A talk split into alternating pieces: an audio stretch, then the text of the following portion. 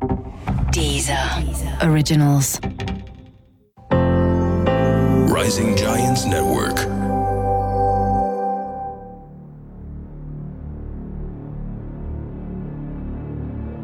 تبرئة الذمة المعلومات المتعلقة بالجرائم الواردة في هالحلقة بيتم ذكرها مثل ما صارت على أرض الواقع نظرا لأنها معروفة من وقت طويل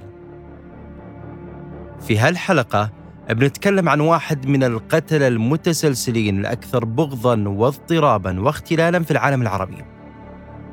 الحاج محمد المسفيوي.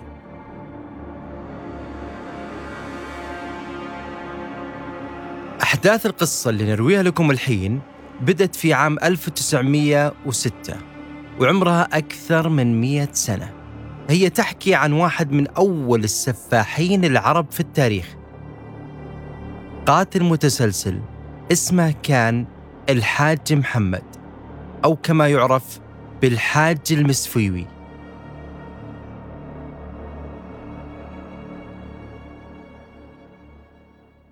القصة كانت في المغرب وتحديدا في مدينة مراكش. وفي ذاك الوقت ما كانت البلاد العربية بالكامل تعرف أي شيء عن القتلة المتسلسلين. حتى الشرطة في ذاك الوقت ما كان عندها الوسائل اللازمة للتحقيق في مثل هالقضايا. وأيضا سجلات الضحايا ما كانت مكتملة.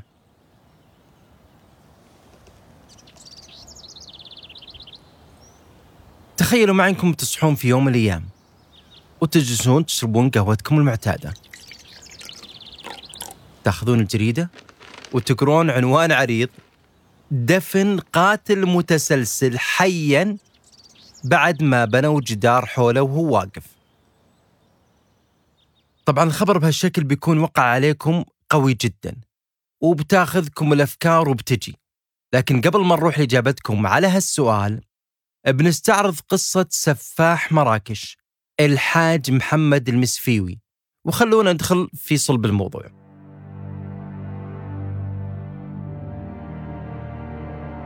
الحاج المسفيوي كان يعيش في ضواحي المدينة القديمة أو يسمونها المدينة العتيقة لمراكش وكانت شغلته اسكافي رجل بسيط عمله كان صانع أحذية. ومعارفه أو اللي كانوا يقابلونه في مراكش كانوا يلقبونه بالحاج المسفيوي نسبة لقبائل المسفيوة القريبة من مراكش. في ذاك الوقت ما كان عمل الاسكافي سهل لأن كانت صناعة حذاء واحد تأخذ الكثير من الجهد. أولا يحدد حجم القدم ورسم القياسات وقص الأقمشة اللي تستعمل في الأجزاء السفلية والعليا من الحذاء بشكل يدوي عشان تكون مناسبة تماما للقدم. عمل من هالنوع يتطلب أسابيع عشان ينهي زوج واحد من الأحذية. وهذه كانت حياة الحاج المسفيوي. أو تحديدا الجانب اللي يعرفون الناس عن الحاج المسفيوي. تمر أسابيع وهو منهمك خياطة الأحذية. وبعد ما ينهي كمية كبيرة من الأحذية كان ينتقل مشيا على الأقدام إلى مراكش. يحاول يبيع الأحذية على عائلات من الطبقتين الوسطى والميسورة الحال في المدينة. كانوا كل اللي في المنطقة يعرفونه يعرفون الحاج المسفيوي. لكن الأكيد أنه خلال الفترة القادمة بيعرفونه بشكل أكبر. في كل مرة كان يتحضر الحاج للقيام بمشوار إلى المدينة العتيقة أو مدينة مراكش. كانت تملاه الطاقة الإيجابية. يلبس أفضل جلابية تقليدية عنده وبعدين يحط غطاء للرأس بشريط ذهبي يتدلى من خلفه. ياخذ الأحذية على ظهره وبعدين ينطلق. ما كانت مهمته سهلة في ذاك الوقت لأن المسافات طويلة اللي كان يقطعها مشيا على الأقدام إلى مراكش.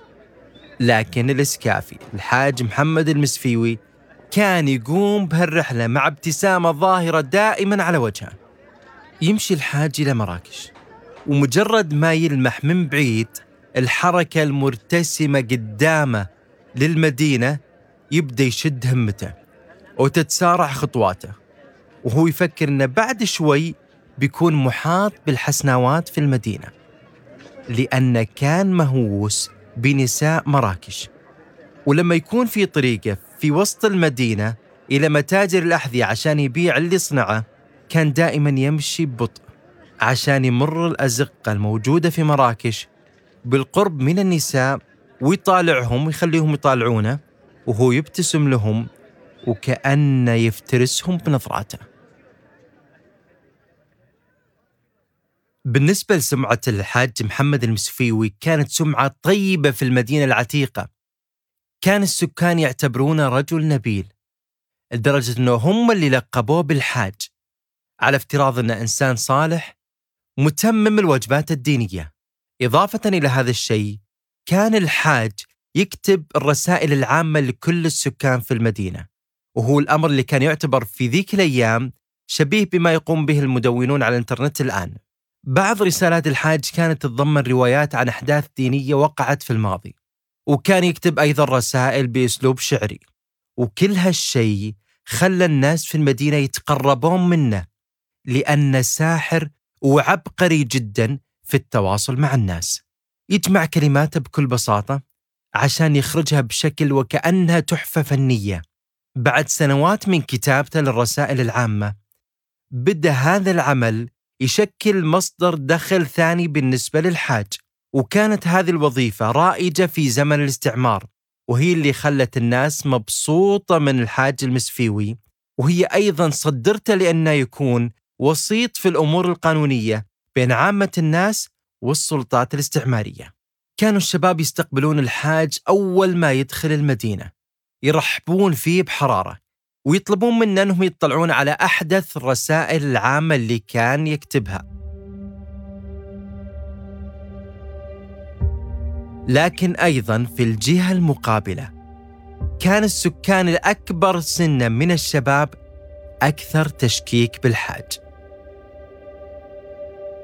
لأنهم يعتبرون هذا الأخير يزور المدينة من فترة طويلة من عقود من الزمن وكانت الشائعات والتساؤلات تدور حول شخصية الحاج المسفيوي ليش ما تزوج إلى الآن؟ ليش ما عنده رغبة أنه يكون عنده أطفال؟ وأيضا هناك شائعات أن الحاج المسفيوي تم إبعاده من المدينة قبل عشرين سنة لأنه قتل أحد ما وأيضا السمعة لاحقة في أنه هو بالذات قتل زوجته وأطفاله قبل سنوات طويلة عشان كذا هو يعيش الحالة. ومن ضمن الشائعات أنه طرد أيضا من القبيلة اللي ينتمي لها. وإذا على كلامه يعيش في مشغل عشان يصلح الأحذية. وين هالمشغل اللي ما يعرفه أحد؟ لأنه حسب الشائعات أن الحاج يدفن ضحاياه وجثث زوجته وأطفاله في هالمشغل. الأخبار والتكهنات والإشاعات تلاحق الحاج المسفيوي فقط مع كبار السن في المدينة. وهذا كان مأخذهم الوحيد على المسفيوي لكن الواقع يبدو أنه مختلف. الحاج مسفيوي كان دائم لطيف مع الشابات في طريقة إلى التجار وكان يضحي بوقته الخاص عشان يقرأ رسائل العامة الشباب. وكان يتلقى دائما دعوة لشرب الشاي من امرأة مسنة في السبعين من عمرها اسمها آنا رحالي. وتذكروا آنا رحالي كثير لأن بيكون لها دور بطولة في قصتنا في مراحلها القادمة. كان دائما يجلس عند آنا رحالي وكان الحاج لطيف دائما ولا يرفض دعوة السيدة آنا رحالي. كانت أنا تشكل دور أساسي بالنسبة للحاج مسفيوي في المدينة لأنها أرملة محبوبة وتوفي زوجها اللي كان محارب قديم وكانت نساء المنطقة بالكامل تعتني بآنا رحالي. وكانت أيضا تحترم من قبل رجال المدينة. ما كان في معلومات كثيرة عنها لكنها بالنسبة للمدينة وسكان المدينة تعتبر وجه ودود لكن أيضا الكثير من أسرار آنا رحالي والكثير من تفاصيلها كانت قيد الكتمان.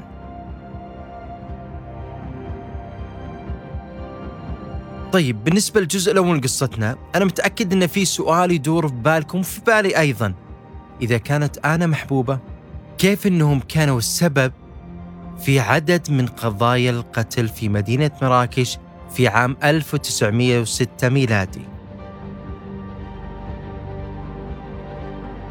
وليش كانت هالإشاعات تلاحق تحديدا الحاج المسفيوي؟ وليش كانوا كبار السن يعرفون بهالإشاعات لكنهم يخفون أحداثها؟ في يوم من الأيام الجميلة وهي من الأيام المعتادة اللي تمر على مدينة مراكش العتيقة يمر رجل في منتصف العمر. وخلونا نعطيه اسم اللي هو سمير عشان نتكلم عن هالواقعة تحديدا اللي كانت سبب في كشف العديد من الجرائم.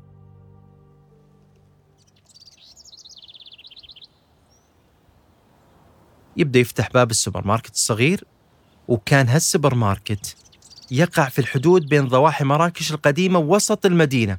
وبالنسبة له هو موقع ممتاز جدا لأن التجار يكونون في طريقهم إلى المدينة أو حتى في خروجهم إلى المدن الأخرى. كانوا دائما يزورون هالسوبر ماركت. يشترون الخضار الطازج ويروحون في سبيلهم إلى المدن الأخرى. سمير يزرع هالخضار أو هالمحصول وراء السوبر ماركت وأيضا وراء السوبر ماركت يعيش هو زوجته وطفلته اللي ما راح نكشف عن اسمها الحقيقي ولكن خلونا نقول إن اسمها مريم. كان عمل الزوجة والابنة أنهم يهتمون بالمزروعات وإنضاج الخضار والفواكه عشان يبيعها أبوهم في السوبر ماركت. فتح سمير أبواب السوبر ماركت مباشرة ألقى نظرة داخل السوبر ماركت وشاف قسم الخضار وأيضا شاف أنه ناقص البصل في السوبر ماركت هنا نادى على بنته عشان تجيب له البصل من الحديقة الخلفية أو المزرعة الخلفية للسوبر ماركت لكنها ما ردت عليه. نادى مرة ثانية. مريم؟ وأيضا ما ردت عليه. راح يدور عليها في غرفة نومها. واكتشف أن السرير مرتب والأغطية موجودة وما استخدمت. هنا بدا الشك يلعب في راسه. وكان يقول إن في شيء غريب. اتجه لزوجته وناداها بسرعة وسألها سؤال فيه قلق كثير. ما رجعت مريم من الحديقة؟ واستمر في سؤاله المفروض إنها تكون هنا. وين راحت؟ بالعادة على طول من الحديقة تتجه للسوبر ماركت قبل ما أفتح السوبر ماركت. وبالفعل كانت هذه عادة مريم اليومية. تصحى الصباح تصحي أمها وتقدم لها كوب شاي وبعدين تقول لأمها إنها رايحة للحديقة عشان تجيب محصول الفواكه والخضروات منه. وبالعادة هي ترجع قبل ما يفتح أبوها أبواب السوبر ماركت في هاللحظات بدأ سمير يشعر بثقل في يدينه ورجلينه. وكأن العالم يضيق من حوله. حاول يحرك رجوله ما قدر. بينزل الشارع يفتش عن بنته ما قدر ينزل الشارع أبدا. أصابت سمير نوبة من الذعر كان يفكر في بنته وخايف على بنته لأنه ما يعرف إيش صار معها. زوجته ساعدته أنه يجلس وبدأت تهوي عليه عشان تهديه. جابت له كوب موية لكنه رفض أنه يشرب وقام مباشرة بيطلع من المنزل. قام سمير واستجمع قواه وركض برا المنزل. يبي يسأل الناس كلهم عن بنته وين راحت. لقى مجموعة من الرجال قدام السوبر ماركت. قام يسألهم واحد واحد. شفتوا بنتي؟ ما لقى أي إجابة عندهم. لم نفسه مرة ثانية. وبدأ يسأل الجيران. أنتم شفتوا بنتي مريم؟ ومن سؤال ورا سؤال ومن جار إلى جار مر سمير على كل السكان الموجودين في الحي. لين طاح أخيرا على إحدى السيدات. اللي قالت له أنا شفت بنتك هالصباح تتحدث مع المرأة العجوز اللي اسمها آنا. أظن بنتك قبلت دعوة من آنا عشان تشرب شاي عندها. ولو شفت كيف كانت آنا لحوحة عشان بس بنتك تقبل الدعوة. هنا رجع بعض الأمل سمير وحس بانتعاش أن بنته لا زالت موجودة. قام سمير وبلغ كل سكان الحي أن بنته موجودة عند العجوز آنا. ولأن الحي كله مع الضجة اللي سواها سمير عشان يدور على بنته مريم عرفوا مريم وقاموا يسألون مثل سمير عن بنته. وبعد ما قال لهم سمير إنها موجودة عند آنا قرروا أهالي الحي إنهم يروحون مع سمير إلى بيت آنا عشان يسألونها عن مريم بنت سمير.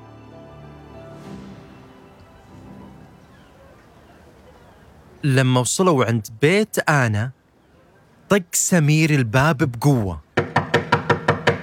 وكان يقول لها وين بنتي يا آنا؟ وش سويتي فيها? هنا آنا حست بشيء من الغضب في وجوه الناس اللي قدام بيتها وحست إنها محاصرة. ومباشرة لا شعوريا قالت لهم أنا بقول لكم كل شيء. بدت العجوز أنا تقول السالفة من أولها إلى آخرها وما كان الموضوع ابدا متعلق فقط بمريم بل بعدد كبير من الجرائم. قالت لهم هذا الحاج المسفيوي الإسكافي صانع الأحذية يدفع لي فلوس وأنا أستكشف الأحياء والشوارع في مراكش واجمع له النساء. السالفة وما فيها. أنا أدعوهم للمنزل عشان يتناولون الشاي عندي. وأحط لهم مخدر في الشاي. وبعد كذا يجي الحاج المسفيوي ياخذ كل وحدة ويحطها في الكيس ثم يرجع لبيته. والكلام على لسان العجوز أنا. واللي عرفته أنه يقتل النساء بعد ما يعذبهم. واحيانا يقطع رؤوسهم. وأنا حقيقة ساعدته في استدراج 36 امرأة. وهذا العدد اللي أتذكره. لكن تكفون لا تقتلوني. أنا ما أبغى أموت. طبعا كل المجموعة اللي قدام البيت تسمع هالكلام. لكن هالكلام بالنسبة لسمير ما يفيد. سمير جاي عشان يبحث عن بنته مريم. ورجع سألها وين بنتي؟ وهالمرة كان أكثر عدائية سمير تجاه العجوز آنا. اللي كانوا يحترمونها قبل. قالت له أنا أرسلتها هالصبح مع الحاج لكن ما أعرف وينها صراحة ولا أعرف أنت مين لكن أنا أعتذر لك. طبعا الاعتذار في هذا الوقت أبدا ما يفيد بالنسبة لسمير اللي يبحث عن بنته. قامت العجوز تطلبهم الرحمة لكن سمير ما فكر فيها أبدا. كان يلف ويدور عشان يلقى بنته. كان يسأل ويسأل ويسأل عشان يلقى بنته. لكن حقيقة الأمر أن هالغضب ما كان عند سمير الحالة. كان الحي بأكمله زعلان من موضوع اختفاء مريم بنت سمير.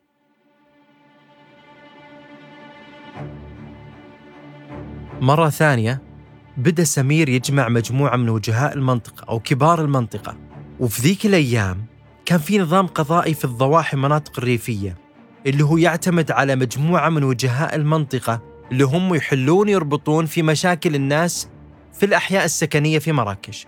التم زعماء المنطقة مع أولادهم عشان يرافقون سمير في رحلة البحث عن بنته وعشان تكمل السالفة. هالموضوع ما كان بنت سمير فقط. اكتشفوا أن مع بنت سمير 35 امرأة مفقودة خلال مدة تتجاوز السنتين. وبدأت العائلات اللي فقدوا بناتهم في ذيك الفترة ينضمون مع سمير وجهاء المنطقة في البحث عن بنت سمير عشان هم أيضا يعرفون مصير بناتهم اللي فقدوهم من قبل. لذلك انضموا إلى سمير وجهاء المنطقة. توجهوا مجموعة الرجال مع وجهاء المنطقة وغادروا المدينة القديمة مشيا على الأقدام يعبرون نفس المسافة اللي كان يعبرها الحاج المسفيوي من محلة إلى المدينة. أول ما وصلوا متجر وفتحوا الباب ودخلوا تفاجأوا بأول منظر رأس مريم بنت سمير صاحب السوبر ماركت كان موضوع بالحالة على الطاولة اللي يشتغل عليها الإسكافي الحاج المسفيوي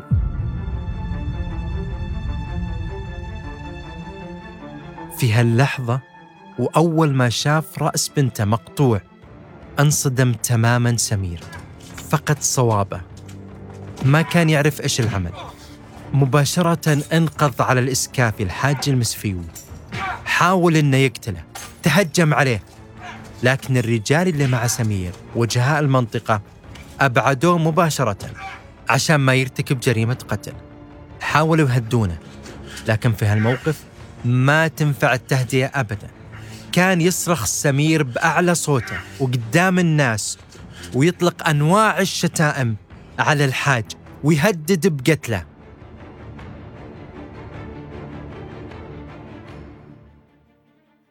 مع الضغط اللي صار من وجهاء المنطقة والضرب اللي صار للحاج المسفيوي اعترف بكل أفعاله حتى أن أهالي المنطقة اكتشفوا ست 26 جثة عند الحاج المسفيوي كانت مدفونة في البئر اللي خلف محله. واعترف أن في عشر ضحايا آخرين مدفونين في الحديقة. مع اعتراف الحاج تبين أنه هو والعجوز آنا كانوا يعملون طوال الوقت. كانت العجوز تستدرج النساء تقدم لهم الشاي والشاي اللي فيه مخدر.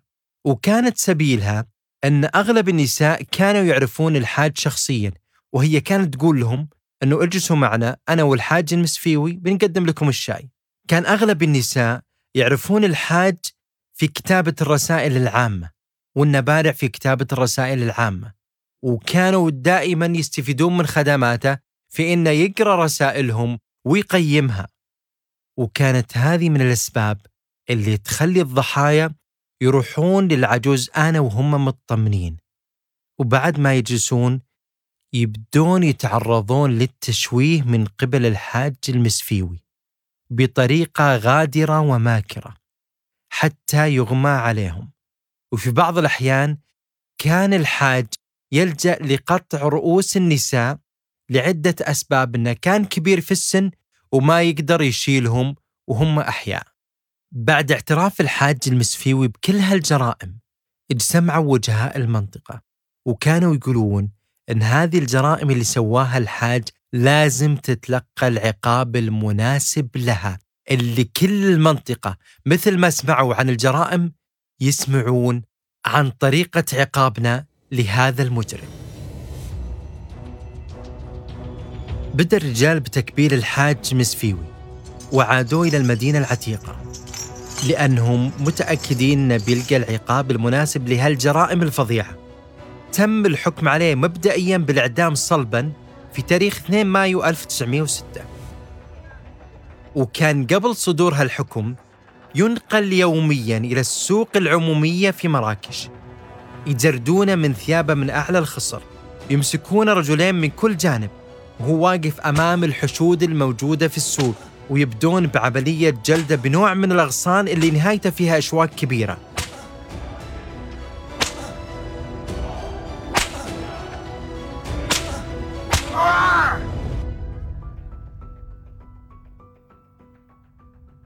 وكان الحاج يوميا يتلقى عشرات الجلدات وكان هالأمر يتم يوميا حتى يوم إعدامه. كان الكثير من أهالي المنطقة يترقبون اللحظات اللي يمر فيها الحاج المسفوي من أمامهم في الأسواق العمومية في مراكش. والسبب لأنهم كانوا ينتظرونه عشان يرمون عليه أي شيء في يدينهم وكانوا أيضا ينتظرون هاللحظات عشان يشتمونه بأبشع العبارات وأبشع الوصف. في ذيك الفترة كان في دبلوماسيين فرنسيين يترددون على مراكش كثير وعرفوا بجرائم الحاج المسفيوي وعرفوا أيضا بطريقة العقاب اللي متوقع تنفيذها على الحاج المسفيوي. وراحوا لوجهاء المنطقة وقالوا لهم أنه الصلب يعتبر أسلوب همجي لتطبيق العقاب.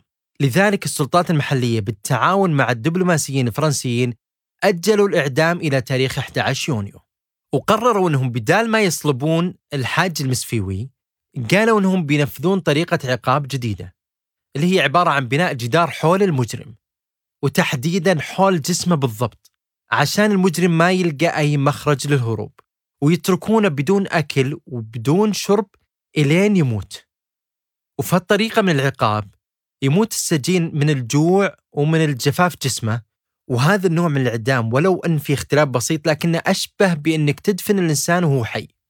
والغريب في الموضوع أن الدبلوماسيين الفرنسيين كانوا يتوقعون أن طريقة الإعدام هذه ألطف من الأسلوب الهمجي على حد تعبيرهم والإعدام صلبا. لكن فعلا هذا اللي حصل في تاريخ 11 يونيو 1906 في صباح ذاك اليوم اللي ما كان صباح عادي للناس خارج السجن لأنهم ينتظرون طريقة عقاب المجرم الحاج المسفيوي. كان الحاج ينتظر عند باب السجن عشان عقابه اليومي اللي يمر بالسوق العمومية اللي هو الجلد. كان ينتظر هالشيء من الحراس لما أخذوه من برا السجن. لكنه تفاجأ بالحشود ينتظرونه في الأسواق العمومية على عكس اللي قبل. وكان يتوقع أنه في شيء غريب. وبالفعل لما مروا من الأسواق العمومية اكتشف أنهم بانين له جدار أو حافرين له حفرة داخل أحد الجدران في السوق العمومية. هنا فعلا عرف أن في شيء مختلف. قال لهم وش اللي تسوون؟ إيش اللي صاير؟ الحاج كان يوجه سؤاله للحراس اللي تجاهلوا كل هالكلام. بدأ الحاج هنا يشعر بالخوف وأن الموت ينتظره. بدأ يرتفع صوته. حاول دفع الحراس وابعادهم عنه. لكنهم كانوا متمكنين منه. ودفعوه مباشرة إلى الأمام وحطوه في الفجوة المحفورة داخل الجدار. ارتفعت هتافات الناس هنا. كانوا يحتفلون بعقاب الحاج المسفيوي ما كان احتفال فرح بقدر ما كان احتفال غاضب من الشخص اللي ارتكب كل هالجرائم. وضعوا الحاج المسفيوي داخل الفجوة. وعشان يتأكدون من تقييده بالكامل ربطوه بسلاسل حديدية متدلية من الأعلى وخلوه في وضع الوقوف داخل الفجوة. لما عرف الحاج المسفيوي بمصيره قام يصرخ بأعلى صوته ويحاول يستجدي بالناس من حوله. لكن الأهالي ما عطوا أي اهتمام والأهالي نفسهم قاموا يساعدون في سد الفجوة وصاروا يبنون جدار فوق الجدار أيضا من الجهة الأمامية. وكل واحد قام يساعد في وضع حجر فوق الآخر أمام أنظار الحاج المسفيوي. حتى اكتمل تماما بناء الجدار واختفى الحاج المسفيوي في داخله.